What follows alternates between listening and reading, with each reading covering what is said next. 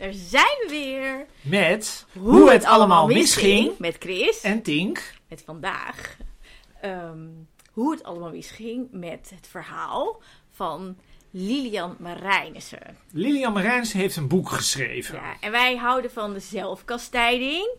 En wij lezen voor deze podcast heel graag boeken die u helemaal niet wilt lezen omdat ze zo beroerd zijn.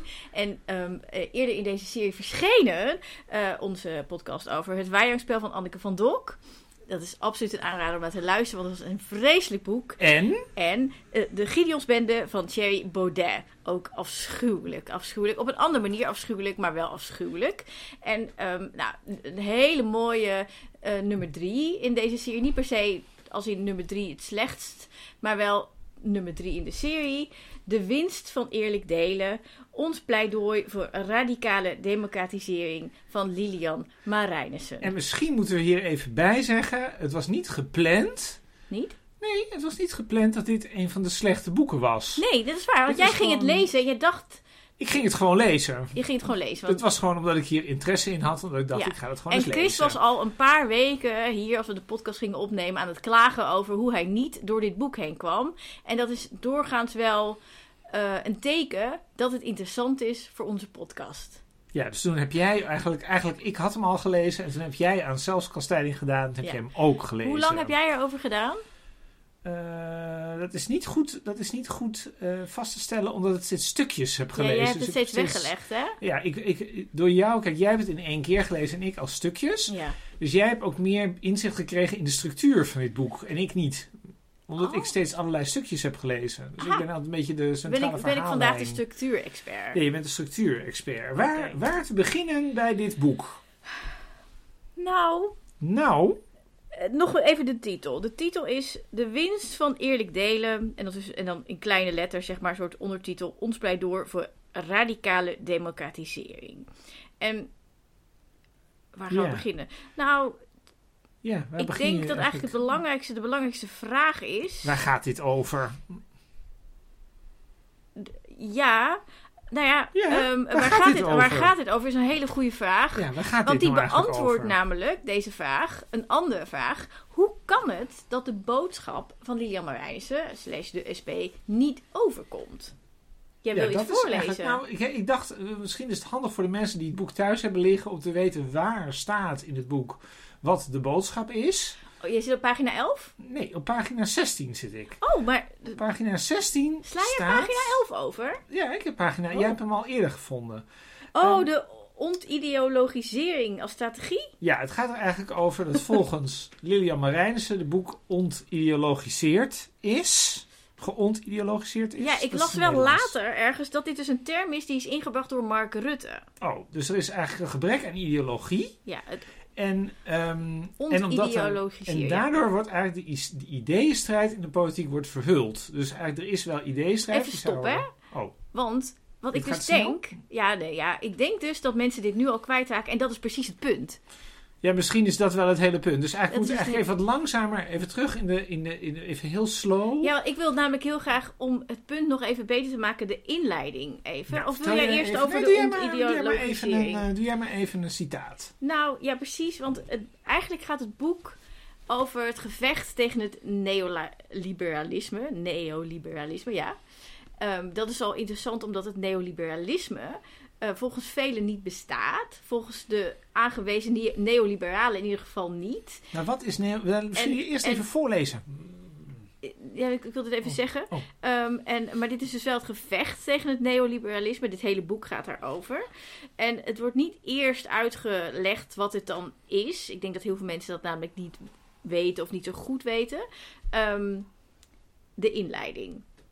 En ik wil echt twee delen uit de inleiding voorlezen. Waardoor ik eigenlijk maar één alinea oversla. Maar nou goed, Oké, het citaat begint Het- nu. het citaat begint nu. Dit zijn dus de eerste woorden van de inleiding. Tijdens de algemene politieke beschouwingen in 2019 gebeurde er iets bijzonders. De fractievoorzitter van het CDA, Pieter Heerma, stelde individualisering en neoliberaal denken hebben bijgedragen aan een erosie van maatschappelijke samenhang en gemeenschapszin. Let that sink in. Ehm, Oké, ik, lees verder. Zijn conclusie luidde: Ik denk dat nog nooit in dit huis door zoveel partijen afscheid is genomen van doorgeschoten individualisme en te veel neoliberalisme en macht van de markt. Ik denk dat dat heel goed is, laten we daar ook mee doorgaan. Zijn collega Gert-Jan Segers van de ChristenUnie zei: Als we dat willen doorbreken, moeten we afscheid nemen van een denken dat al te lang de toon heeft gezet. Het is neoliberaal denken waarin de markt domineert, ons land de BV Nederland heet, de overheid als een bedrijf wordt gerund en burgers worden gereduceerd tot klanten. Zelfs de VVD had het bij monden van fractievoorzitter Klaas Dijkhoff over het bijstuur van het kapitalisme, zodat dat voor iedereen werkt. Zulke, zulke scherpe kritiek op het neoliberalisme hadden we van gevestigde partijen nog niet vaker zo eensgezind gehoord. Tijdens de algemene politieke beschouwingen in 2022 werd dit nog eens overgedaan. Nou, dit zijn dus de, de, de eerste zinnen zeg maar, in de inleiding. En ik denk dat heel veel mensen, dat je die nu al kwijt bent. Nou, misschien moet je er even bij zeggen dat dit hoofdstuk heet over het neoliberalisme. Dat ja. staat er namelijk ook nog boven. Ja, maar goed. Je zou, ik zou denken, oké, dan wil je wel eens even uitleggen wat het is. Maar, nou goed. En dan sla ik even een alinea over. Dus ik maak een sprongetje. Ja. En dan ga ik naar... Dit had mij een beter begin geleken. Want dan snap je namelijk wel wat ze bedoelt. Zelfs tijdens een ongekende crisis als de coronapandemie mochten de mondkapjes die de overheid met belastinggeld had ingekocht en die over de datum dreigen te raken niet worden uitgedeeld aan zorginstellingen, waar ze van algemeen nut konden zijn. Ze moesten worden verkocht aan andere partijen of desnoods vernietigd, omdat het gratis weggeven marktverstorend zou werken. Dit is zo bizar dat je het bijna niet kunt geloven. Nou, dit is feitelijk waar zij tegen strijdt. Je kijkt moeilijk, weet het niet mee eens? Ja, ik geloof dat ze hier tegen strijdt. Ja, Ja, ze strijdt tegen eh, De markt, boven alles. nou, zij niet zozeer tegen de markt, maar wel tegen de markt boven alles. Zij strijdt tegen marktdenken. Ja. Daar strijdt zij tegen. Nou, en ook de focus daarop. Ja, maar marktdenken is volgens mij, dan heb je de focus al. Dus als je marktdenken hebt, dan gaat de markt sowieso voor. Dat is volgens mij het hele punt. Dus dat zit Ja. eigenlijk daar al in besloten. En dat heb je dan een ander label voor en heet het neoliberalisme. Ja, maar er is nog een ander label wat je daarvoor zou kunnen gebruiken als mensen zeggen dat neoliberalisme niet bestaat. Ja. En dat is economisch liberalisme. ja, want je hebt ook cultureel liberalisme. Of, Wat is dat dan? Nou, dat is volgens mij progressief eh, van dat je jezelf kan uiten en jezelf kan zijn en zo. En je hebt ook economisch liberalisme, dat gewoon, dat gewoon de overheid niet. Nee, volgens mij is, eh, je hebt, je hebt op individueel niveau heb je dat de overheid zich niet met jou als individu moet, moet bemoeien. Maar dat is liberalisme. Dat is liberalisme. En heb je economisch liberalisme. Dat is dat de overheid zich vooral niet met de bedrijven moet bemoeien. En dat de bedrijven gewoon lekker kunnen doen wat ze willen. Ja, maar de overheid Zo. bemoeit zich wel met bedrijven. De overheid maakt namelijk mogelijk dat bedrijven kunnen doen wat ze doen, eh, eventueel. En Ja, in, in de praktijk eigenlijk altijd ten koste van de burger. Nou, ten koste van de burger. Dat is volgens mij het hele idee van liberalisme. Dat als de bedrijven nou gewoon kunnen doen wat ze willen. Ja, maar dit is neoliberalisme. En dan gaat het, zeg maar, dan is het bedrijf is mij- belangrijker dan de burger. Het is heel grappig, want nu zijn we volgens mij ook weer de luisteraar kwijt. Sorry, Dit is dus hele, ik moet altijd denken aan Frits Bolkestein. Frits Bolkestein zei altijd over neoliberalisme dat hij niet wist wat dat was. Ja. Omdat volgens hem neoliberalisme hetzelfde is als liberalisme. Maar dat is niet waar. Ja, en dat is volgens mij wel waar. Het is namelijk gewoon, het is gewoon marktdenken. Het is niet gewoon marktdenken. Nee, het is gewoon marktdenken. Gewoon. Nee, het, het is marktdenken over. Het is gewoon denken in economische termen. Ik bedoel, dat ook. Nee, want nou, het, het, het sowieso Jesse Klaver is heeft hier ook ooit een boekje over het geschreven. Omdat- economisme. Het economisme, dat is precies Ja. hetzelfde. Allemaal verschillende labels voor hetzelfde. Een soort spook dat dat te veel markt er zijn wel nerds. Je hebt het ook En gelezen, met, hè? Name, economisme. en met name op het gebied van de overheid. Dus het gaat dus niet zozeer over de supermarkt en de kledingwinkel. Maar het gaat dan over dat het openbaar vervoer wordt aanbesteed. Dat er marktwerking is in de zorg. ehm, dat er eh, een marktwerking is op het gebied van de kinderopvang. Ik ga Dat even er- nog een stukje voorlezen over gaat het dit heel erg neoliberalisme. over. Ik zit nu op pagina 58. Het neoliberalisme gaat uit van individualisme en niet van solidariteit. Het gaat ook uit van het mensbeeld dat succes een keuze is. En dat als je niet succesvol bent en je de overheid nodig hebt voor toeslagen of zorg, je wel een stumpert of een fraudeur deur zult zijn. Het is geïnstitutionaliseerd wantrouwen in mensen. Als je succes of pech hebt, dan komt dat door jezelf. Alsof het niet altijd ook de omstandigheden zijn die de mens maken. Ik weet niet zeker of ik het hiermee eens ben. Weet je wat het probleem is? We zijn eigenlijk al, dat is wel grappig, we zijn heel snel komen we tot de kern van het probleem. Ehm, er wordt zo ontzettend veel gezegd. En je vraagt je de hele tijd af van, bij al die zinnetjes van, ben ik het daar nou mee eens of niet? Ik denk dat ik het, dat ik het in essentie hier wel mee eens ben. Ik ook. Maar het, het grote probleem is, dit gaat zo snel en het is zo ontzettend abstract, dat je volgens mij iedereen kwijt bent. Ehm, en dus is een beetje de vraag van, ja, wat heeft het nou voor zin om daar zo'n hele abstracte, zo'n hele abstracte analyse eh, ten beste te geven? Wat Nou, heeft het nou voor Het zin? is ook niet alleen, Waarom? het is niet alleen een hele abstracte analyse. Eerlijk gezegd valt dat op sommige plekken nog wel mee in het boek. Zeker. Ehm, eh, er zijn een aantal dingen aan de hand in dit boek. Eén, eh, het gooien met allerlei termen. Waar ik me nog redelijk doorheen kan worstelen, jij ook. Maar bijvoorbeeld al de term neoliberalisme is een discutabele term, omdat gewoon het wordt ontkend door heel veel mensen dat het bestaat. Daar heeft het wel ook over, maar heel kort. Eh, Dat vind ik ingewikkeld. Dus, dus, dus, dus Maar waarom vind je dat ingewikkeld? nou ja, op het moment dat, het, dat zeg maar, een definitie niet vaststaat. Eh, en je een definitie gaat claimen, dan krijg je dus discussies over de definitie. Vind Ja, ik ingewikkeld. dat wil je eigenlijk niet. Dat wil je niet. Ja, dat leidt gaat, af. Het gaat eigenlijk over bijvoorbeeld, hè, gewoon als voorbeeld. Dit gaat dus bijvoorbeeld over dat marktpartij, dat bijvoorbeeld de zorg tegenwoordig, dat het ziekenhuiszorg tegenwoordig wordt bepaald door zorgverzekeraars. Daar gaat het bijvoorbeeld over. Precies. En dat dan bijvoorbeeld mensen in Lelystad geen, eh, geen permanente spoedeisende hulp meer om de hoek hebben. Omdat de zorgverzekeraars ooit hebben gezegd van we vinden dat ziekenhuis te duur. Ja, maar het gaat Ja. ook over, zeg maar, als, als Ja. zeg maar, eh, je, je moeder in een verzorgingshuis komt, dan kan je moeder in een verzorgingshuis komen waar eh, twee mensen personeel op 15 Al deze mensen dingen. zitten. Maar als je geld erin pompt en je betaalt, weet ik het, 5000 per euro per maand. Ja, je Dan- wel een ander punt van. Maar het punt is eigenlijk al dit soort problemen. Ze hebben er wel duizend. En het zijn Dus hele concrete dingen die mensen gewoon Precies, tegen het idee dat de markt het wel op kan lossen. Maar het, het, het punt daarvan is, is dat het, de, de markt het alleen oplost voor mensen die geld hebben. En de mensen die geld hebben ook meer geld Ja, maar dat, snapt, verdienen. dat, nou, maar dat snapt iedereen wel. Het punt is, is dat eh, je het eigenlijk hebt over concrete problemen die mensen tegen kunnen komen. Waarvan mensen kunnen zeggen, dat wil ik zo niet. En ik ga naar de SP, want de SP lost dat voor mij op. Hè, want de Ja. SP is tegen dat, dat, al die vermarkting en zo. Ehm, en die is tegen dat er maar twee mensen in het verzorgingshuis rondlopen.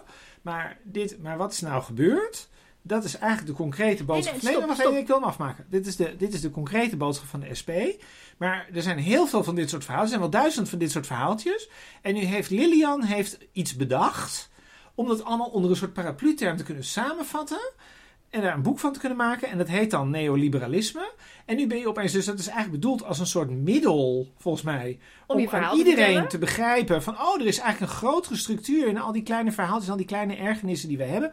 Terwijl eigenlijk juist die paraplu ertoe leidt dat niemand meer weet waar het over gaat. Terwijl als ik zeg, mensen willen gewoon een ziekenhuis om de hoek, dan snapt iedereen, nee, we willen een ziekenhuis. Precies. En wat jij zegt over die twee verzorgers in het verzorgingshuis, dat snappen we ook allemaal. Ja. Maar nu moeten we dus een heel ingewikkeld, abstract verhaal over neoliberalisme. We moeten eigenlijk eerst eens worden over wat de definitie is. En of het Het- überhaupt bestaat. En of het überhaupt bestaat. Want Frits Bolkestein heeft daar ook wel eens iets Ja, over gezegd. en of het niet anders... economisch liberalisme Ja, of het eh, economisme genoemd moet ja, worden. want Jesse Klaver had hier ook een mening Ja, over. en wat is dan het verschil tussen liberalisme en, en, en neoliberalisme? Dus je kunt je eigenlijk afvragen, of wat is, wat, waarom, doet, waarom doet Lilian nou eigenlijk zo moeilijk? Dat is de vraag. Dat die is het eerste. oproept. Dat is het eerste. Dus, want, want waarom schrijf je een boek? Toch? Nou, Waarom dat doen, dat, doen, dat doen politici. Kijk, dat heeft een hele duidelijke reden. Dat kan ik wel even opa verteld.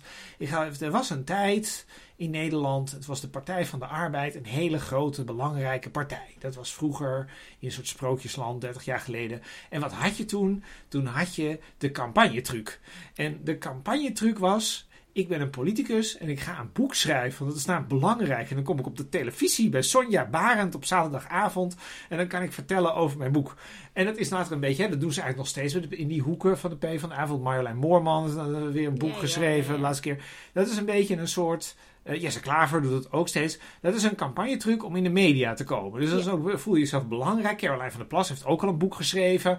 Dus iedereen een boek schrijven, want dan, dat, dan, dan, dan doe je er meer toe dan als je geen boek schrijft. Dat is eigenlijk het punt. Ja, het is een, Dat ja. is Wat interessant is over, over dit boek. Want, oninteressant het, het punt boek is is eigenlijk. volgens mij uit mijn hoofd op 19 december uitgekomen. Oh, dat zou kunnen. Maar in de aanbiedingsfolder, zo heet dat dan bij uitgeverijen, eh, was het gepland in oktober. Het boek is dus een aantal maanden later uitgekomen dan gepland. Oh, waarom zou dat zijn? Misschien niet af. Ja, kijk, de Het grote is- vraag bij dit soort boeken is altijd... Kijk, de grote vraag bij dit soort boek is altijd... Wie heeft dit nou eigenlijk geschreven? Dus eh, zit Nee, je nou ik te ben lezen? vrij overtuigd dat Lilian Wijns dit Ja, heeft Lilian, geschreven. zei, ik, Lilian heeft hier avondjes... Ik ben zelfs naar die avondjes geweest, twee keer. Lilian heeft een hele tour gedaan door het land om dit boek te promoten.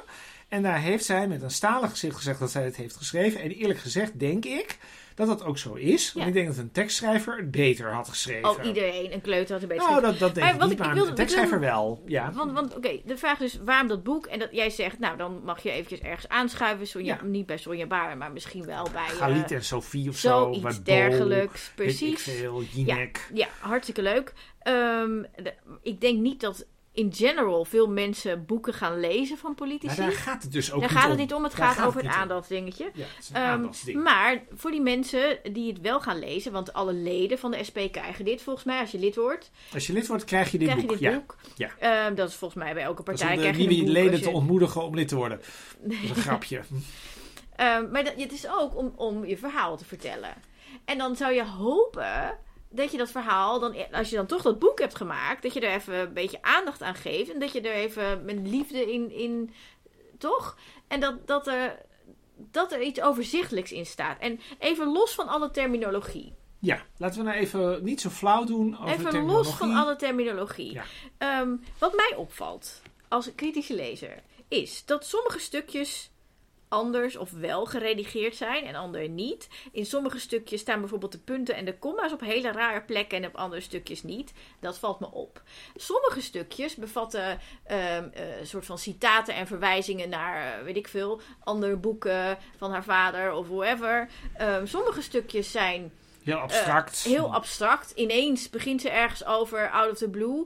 Ehm, en dat is ook belangrijk, want het gaat kriskast door elkaar. Alle, alle onderwerpen en dergelijke. En sommige eh, stukjes bevatten ineens een soort van ervaringen. Ervaringen. Ja. En, maar ik- wat, ik, wat ik eigenlijk wel even om, om een idee te geven over de, de sprongen die worden gemaakt. Ja, Eh, want dan zul je denken, wat, wat bedoel je daar dan mee? Wat mij. Nou, irritatie is niet het goede woord. verwondering. Ook niet. Oh. Waardoor het boek echt niet door te komen is. Nou, kom. Is dat er geen structuur in zit. Het is niet zo dat het nu even gaat over het onderwijs. En dan gaan we de zorg doen. En dan gaan we het openbaar vervoer. Het gaat kriskast door elkaar. En dan ga ik even eh, een voorbeeld van laten horen. En het, het boek bestaat uit heel veel korte kopjes. Dus een soort van sub Ja, heel veel onderwerpjes die achter elkaar staan. subonderwerpjes. Die zijn dan dik gedrukt. En dan is er weer een ander subonderwerpje. En soms duurt zo'n subonderwerpje wel drie pagina's. En soms twee zinnen.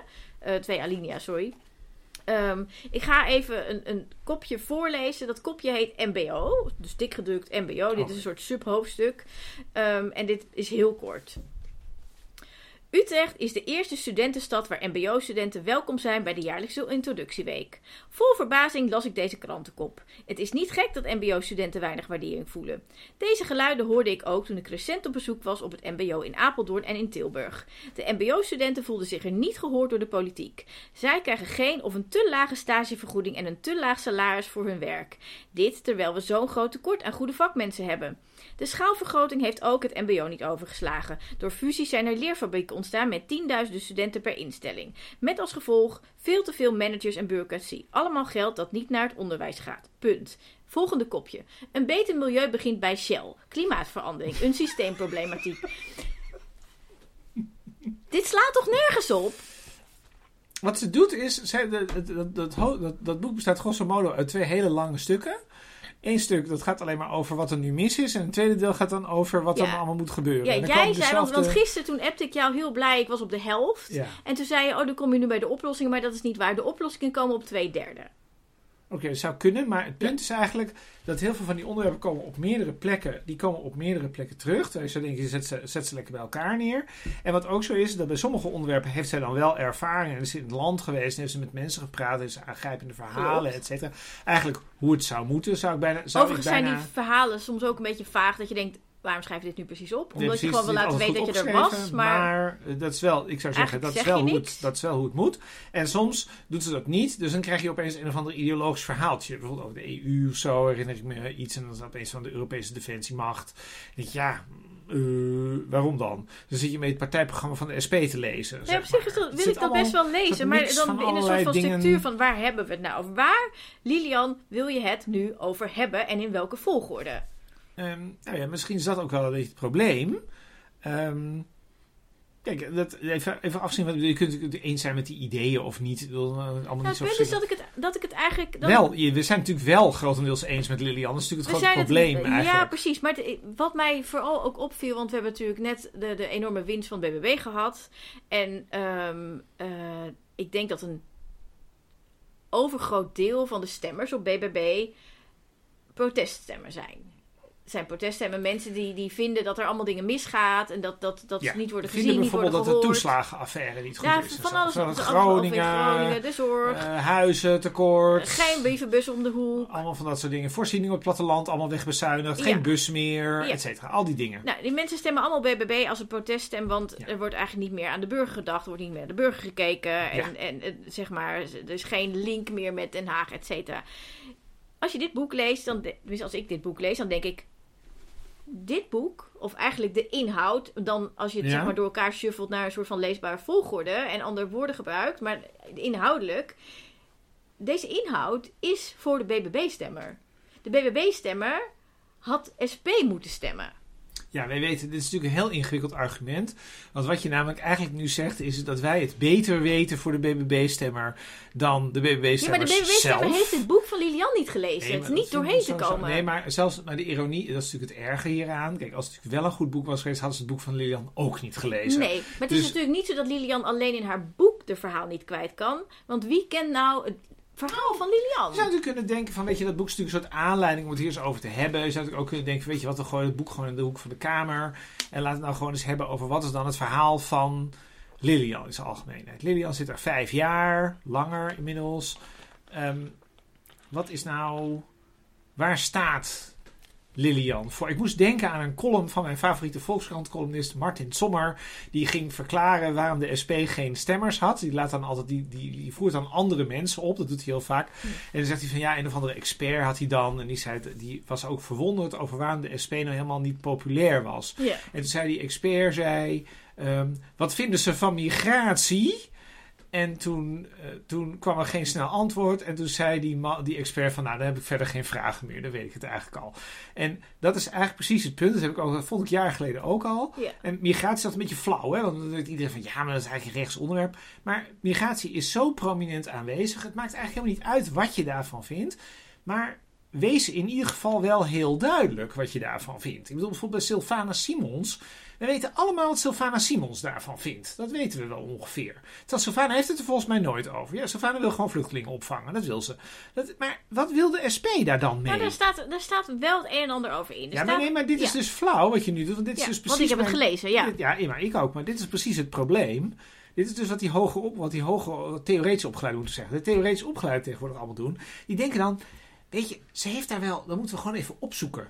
Dus dan gaan we even op de Maar website kijken. Nee, precies, maar dit is het punt. Dan gaan we even, moeten we beter het register. Ja, wat zou handig zijn als dat boek een register zou hebben. Dan zouden we sneller Ja, kunnen want dat heeft het boek ook niet voor de wat daarin staat register, over ja. wat de SP van migratie vindt. Maar het punt is nou juist dat de mensen niet naar de SP-website hoeven te gaan. En ze hoeven niet vanavond naar de talkshows te kijken. En ze hoeven niet dit boek te lezen. Dat ze en dan het moeten ze weten. alsnog weten wat de SP vindt. En dat weten we niet. Ja. Ja, we dan komen we wel, dus, ja, weet wij, wij weten het wel. Maar dan komen we dus terug bij dat Lilian Marijnissen haar verhaal niet kan vertellen. Ja, de vraag is Of natuurlijk een haar, het verhaal van de SP. Want Ja, de SP is natuurlijk van origine zeg maar de proteststem, de tegenstem, de nee-stem. Nou, dat zijn ze nog steeds op een bepaalde manier. Nou, als ik dit boek lees, denk ik, oh, er is eigenlijk helemaal niet zo gek veel veranderd.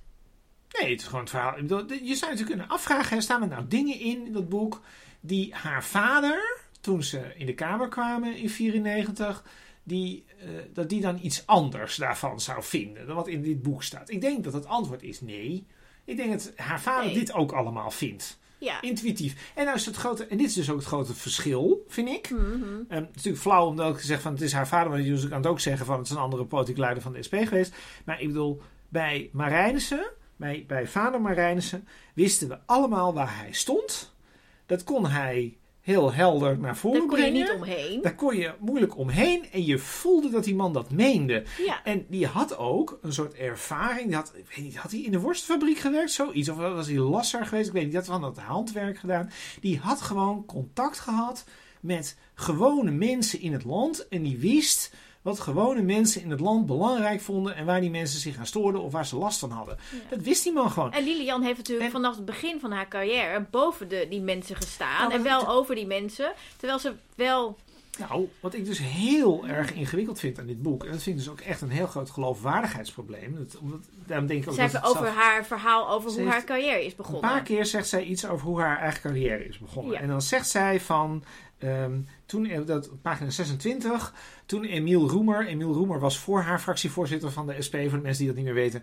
Ehm, toen Emiel Roemer in december 2017 bekend maakte dat hij ging stoppen als fractievoorzitter van de SP, heb ik getwijfeld of ik mijn kandidaat moest stellen.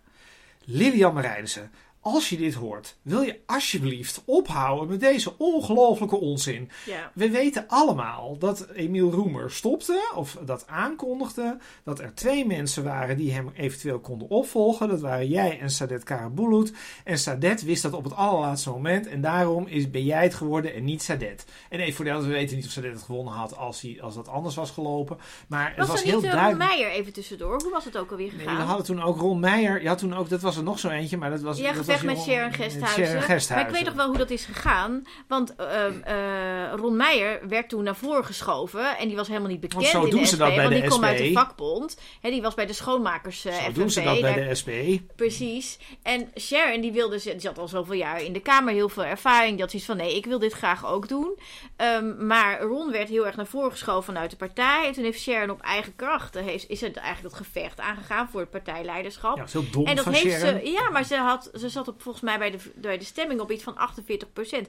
Echt? 40 was het Nee, nee, echt net aan was het. Het was volgens mij iets minder, maar het maakt niet uit. Het was een behoorlijke overwinning voor een partij die Volgens zo goed in de, 48, go- echt in de knap. gelederen loopt. Ja, En ontzettend. dat was een beetje hetzelfde. En dat zegt heel veel over deze, deze casus, zegt heel veel over hoe de SP is. Het is natuurlijk een hele geregisseerde club, van men, eh, eh, toch een, een vrij hecht netwerk. En die bedenken met elkaar van wie wordt nou de nieuwe leider. En doe nou niet, Lilian Marijns, alsof jij degene was die toen besloot, oh, zal ik het, zal ik het wel doen of niet? Want je had je nooit gekandideerd als jij, niet, als jij, als jij had getwijfeld over of jij de steun had van het partijapparaat. Maar om eerlijk te zijn, vind ik dat niet zo belangrijk. Nee, dat is wel belangrijk. Jij vindt dat belangrijk. Dat vind ik vind heel dat- belangrijk, Waarom vind jij dat zo belangrijk? Dat, dat, omdat ze op Jij hebt ook echt aantekeningen en hoekjes. tien pagina's verder doet ze dat namelijk ook. Dan zegt ze van ze is afgestudeerd. En dan solliciteert ze bij de vakbond Abfacabo FNV. De vakbond, ik citeer nu, de vakbond van ambtenaren en mensen die werken in de publieke sector. Ehm, hier, dan, dan staat er, de, de scriptie die ik stuur, mijn scriptie, ze ze schreef een scriptie over iets wat hiermee te maken had. Eh, de scriptie stuurde ik mee en ze zeiden, kom het maar laten zien dat je het zo goed, de- als je het zo goed denkt te weten. Wacht even. We stoppen even met het citaat. Lilian Marijnse schrijft een scriptie wat kennelijk relevant was voor Avocabo FNV. Mhm. Dat kan natuurlijk. Ehm, werd Lilian Marijnissen nou echt uitgekozen door Avocabo FNV? Of heeft ze gesolliciteerd? Nou, ze, ze zal wel. Ze zal, nee, ze, dit, dit, dit, suggereert een sollicitatie. Die tekst suggereert een sollicitatieprocedure. Het is heel simpel. Als je eerlijk bent, als je grounded bent, zeg maar, in deze maatschappij, Mhm. dan weet je dat, er een bepaalde, dat je altijd in een bepaalde context functioneert. De context bijvoorbeeld van ons beiden is, wij hebben allebei geen bekende vader. Die hebben wij niet. Nee. Dus wij komen nooit, komen wij ergens en We dan komen allebei uit de iemand- provincie. Ja, dus er is nooit iemand die tegen Nee. ons zegt, Laag oh, opgeleide familie. nou, daar gaat het eigenlijk niet om. Het gaat er eigenlijk om dat wij nooit in ons leven worden aangesproken op onze vader. Dus het is nooit dat iemand tegen jou zegt: Oh, ik ken jou niet, maar ken je vader wel. Dat, Ja, dat, ja alleen familie zegt dat, Ja, ja. maar verder zegt niemand dat. En bij Lilian Marijnissen is het natuurlijk heel anders. Want Jan Marijnissen is natuurlijk een enorme grootheid in de Nederlandse politiek. Dat is die man gewoon. Dat is ook verder helemaal niet erg. Sterker nog, de SP is er groot mee geworden. Maar de, de, als je daar de dochter van bent, en op dat moment ook al, hè, zij was heel vroeg raadslid van de SP in Os, ehm, dan ben je natuurlijk niet een, een of andere neutrale student die een scriptie heeft geschreven. die misschien relevant is voor Advocabo FNV. Nee, je komt van de. Van de ik, ja, ik zou zeggen, de, de, ik wilde zeggen de clan, maar dat vind ik uit het verkeerde woord. De, de, de dynastie. Je bent een zeven vinkjes politicus. Nou, je bent de dynastie Bijna, van. Marijnissen. En weet je, dan is nog steeds de vraag of dat heel erg is. Want zo is ook het leven. Maar lieg er niet over. En dat is wat mij hier heel erg aan stoort. Dat ik denk van kijk, ze heeft natuurlijk qua idealen zit ze natuurlijk sowieso wel. Zit ze sowieso goed. Maar zij is niet wie haar vader was. Nou, of nog steeds is. Ehm, eh, die vader, die stond met zijn poten in de klei. Die had die mensen echt ontmoet. Die had daar jarenlang tussen, tussen gefunctioneerd. Die sprak de taal van gewone mensen. Die kende hun zorgen. En zij, zij heeft een... Ja, zij is een beetje zoals, ja, ik zou bijna zeggen zoals ik. Ehm, zij heeft ook wel eens een scriptie geschreven. En daar staan vast hele goede dingen in. Maar zij is niet grounded. En dat is precies het probleem. Dan zijn we terug bij het punt wat jij wilde maken. Dan ben je terug bij dat verhaal. Wat is nou precies haar verhaal? Zij heeft wel dingen Maar ik ben gelezen. het niet. Zij had, zij had wel een verhaal kunnen hebben. Ik oh, zo- Ook met haar achtergrond en de manier waarop ze binnen is gekomen, had zij een had goed verhaal doen? kunnen ik wel. hebben. Nou ja, misschien dat ze daar talent voor kunnen hebben. Dat klinkt heel gemeen. Je, kan ik- natuurlijk altijd, je kan natuurlijk altijd een poging doen. Maar ik bedoel, kijk, ik denk dat deze mensen werken heel hard. Dat is natuurlijk het probleem niet. nou, en ik denk ook dat zij het echt meent wat ze zegt. Dat denk ik ook. Ik denk dat ze haar hart op de goede plek heeft. Dat En denk ik denk ook. ook dat, zij, dat haar ideeën eh, goed zijn. En sterker nog, ik denk in deze tijd, hè, want het is dus, want eh, zij focust in het boek over eh, anti-neoliberalisme, maar feitelijk is het anticapitalisme. Ja, maar ik vind dat nog steeds geen Nee, maar even, even dit vasthouden, het is anticapitalisme. Ik denk dat in deze tijd steeds meer mensen, vooral jonge mensen, daarin meegaan. In dat anticapitalistisch denken. Dat zou kunnen. Omdat, hè, Er is een, is een doelgroep voor. de- nou, dat lijkt me een hele grote doelgroep. Er is een doelgroep En ook het, het, het hele sociale vangnet. En, en nou ja, de, de, twee belangrijkste oplossingen waar ze mee komt. Want ze komt dus nog een derde met oplossingen. Dus de twee belang, belangrijkste is belast de rijken en democratie voor iedereen. En dan wil ze dus eigenlijk Heel meer aansprekend democratie. voor velen. Ja, ik wil dat ook zo Maar even ik voor. geloof Mag ik het helemaal niet- voorlezen? Ja, maar ik geloof niet, dan is mijn analyse namelijk af. Ik geloof helemaal niet dat als jij naar plekken gaat in deze samenleving waar mensen eh, het moeilijk hebben, om het maar zo, of kwetsbaar zijn, Hm. eh, dat die dat zo verwoorden zoals Lilian Marijnissen dat doet. En dat, is precies, punt, ja. en dat is precies het probleem. Het probleem is, is dat mensen dat ook, ehm, die, die, die voelen dat, die zien dat, Geen die herkennen connectie. dat. Die hebben die connectie niet. En dat zit helemaal niet. En dat is natuurlijk heel onrechtvaardig hè, op een bepaalde manier. Want het is niet zo dat zij het niet goed bedoelt. Dat is niet zo. Het Nee. is, ze bedoelt het goed. En ze heeft, ze heeft absoluut ideeën waar die En mensen ik van denk zouden ook profiteren. dat ze de capaciteiten heeft, los van het vertellen van het intelligent. Het verhaal. zal ochtend een hele intelligente Nee, maar ik denk ook zijn. dat ze heel veel kan organiseren. Dus ik denk, hè, want, want dat, dat er echt een, een, een flinke overeenkomst is met de, dus wat, wat de stemmers op BBB willen en wat zij biedt. Alleen niet in taal, niet in woorden, niet in gevoel. Maar wel in wat ze, waar ze voor staat. Ja, maar ik denk dat de mensen gewoon helemaal niet begrepen hebben dat ze daarvoor staat. Ja, dat is Nee, dat is het punt. hetzelfde. Dat is het punt, dat- ja. En dat is natuurlijk een beetje, we zijn er natuurlijk een beetje omheen aan het cirkelen van de vraag is natuurlijk eigenlijk van ja, hoe zou nou, ehm, hoe zou je er nou voor kunnen zorgen dat mensen begrijpen waar zij voor staat? Dat is natuurlijk dan een beetje de vraag. Dat, maar dat Nou is ja, hoeveel verkiezingen heeft ze nu verloren? Nou, best wel Drie, veel. vier? Best wel veel. Het Europees Parlement weg, eh, twee keer gemeenteraadsverkiezingen, twee keer provinciale verkiezingen. Gaat allemaal niet zo lekker. Eén keer Tweede Kamer. Dat zijn er toch. Maar eh, haar positie staat volgens mij niet ter discussie. Ja, maar dat is dus ook precies het probleem. En dan ben je dus weer terug bij die kliek, zeg Ja. maar. Wat ik dus, daarom vind ik de SP is ook een kliek. Eh, Dat, dat zijn allemaal mensen die nooit extern... Kijk, de P van de A is andersom. De P van de A, die gaan Mhm. ze publiekelijk aan je poot zitten zagen. Het is heel lelijk wat de P van de A daar De doet. PvdA is op alle, alle fronten heel Ja, is lelijk. sowieso niets goed aan de Echt P van de A heel, heel Stem nooit P van de. Nooit, maar, nooit. Nee. maar, dat is natuurlijk wel een manier om mensen een zetje te geven. Dus bijvoorbeeld Job Cohen, nou dat zegt hij zelf tegenwoordig ook, die was niet geschikt als PvdA oppositieleider.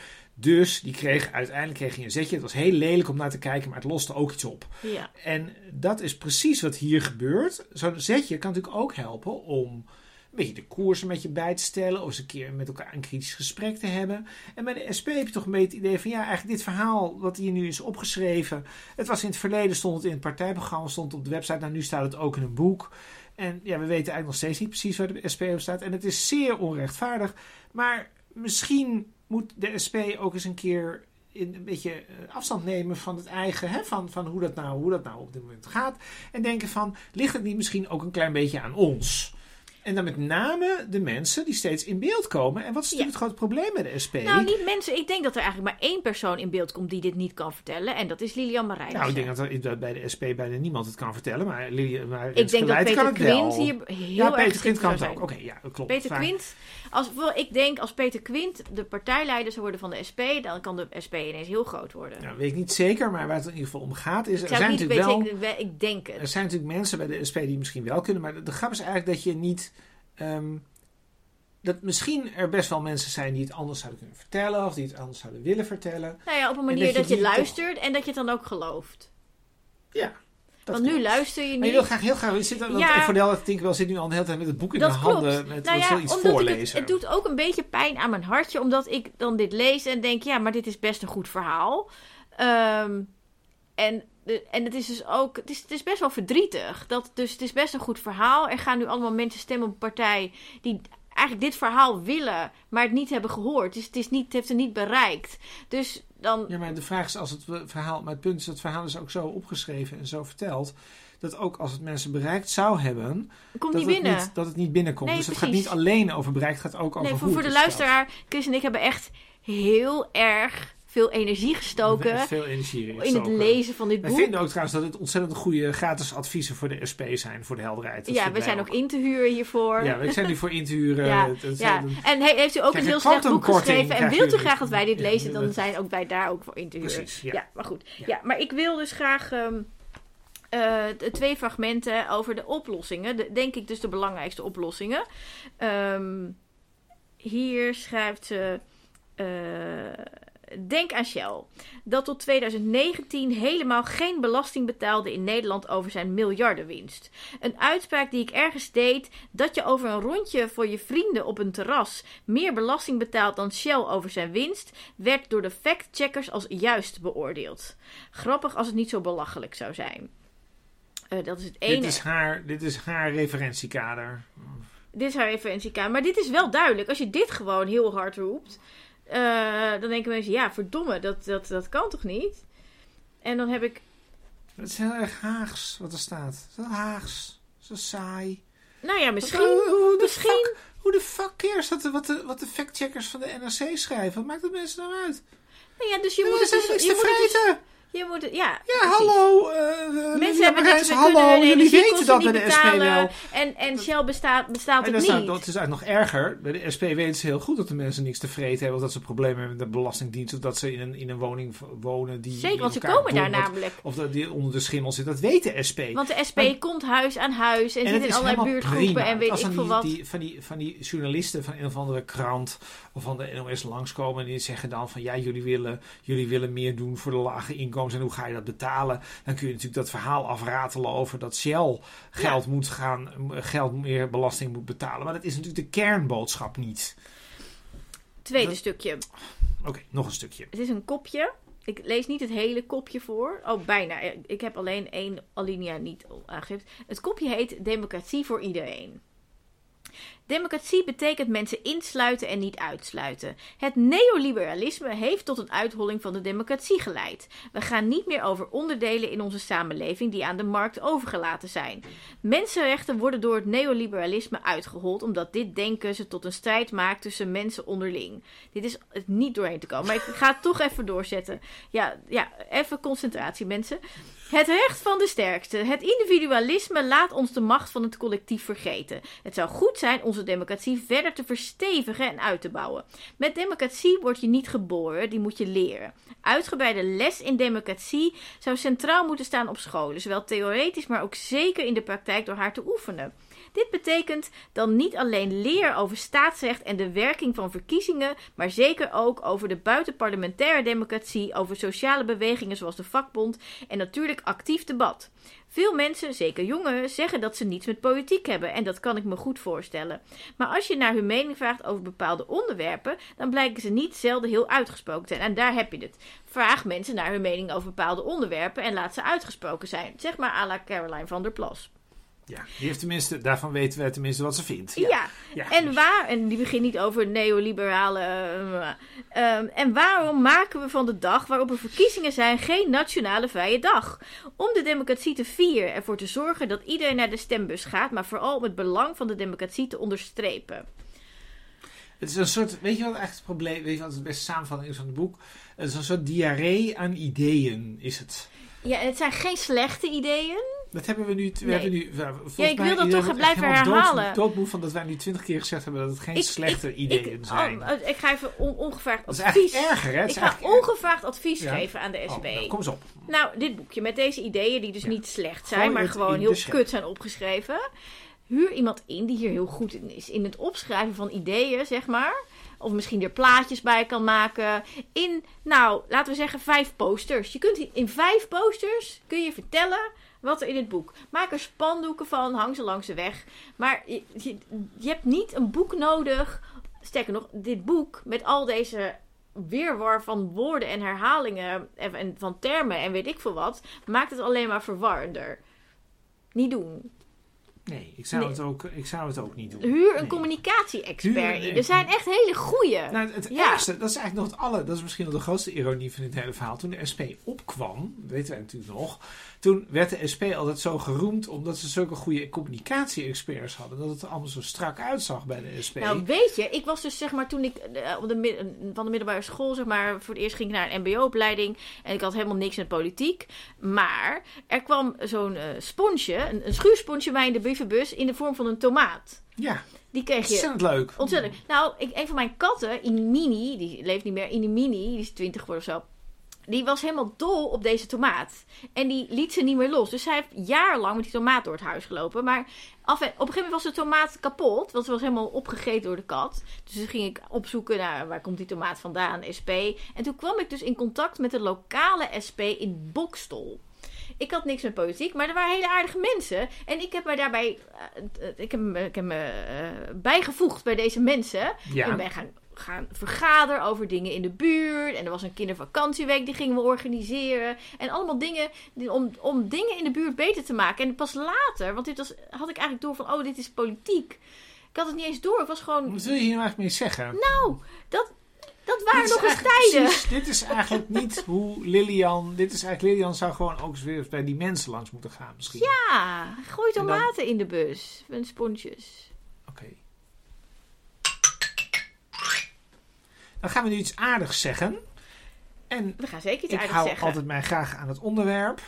Ja? Ja? ja? je probeert dat dan, hè? Ik probeer ja, mij ik aan heb het ook onderwerp te houden. En het was in dit geval helemaal niet moeilijk. Ook Nee, want jij bent het- fan.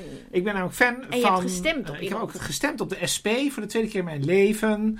Eh, ik had eerder op Dennis de Jong gestemd. Die, iemand weet meer wie Dennis de Jong is, maar dat was Geen ooit een idee. Europarlementariër van de SP.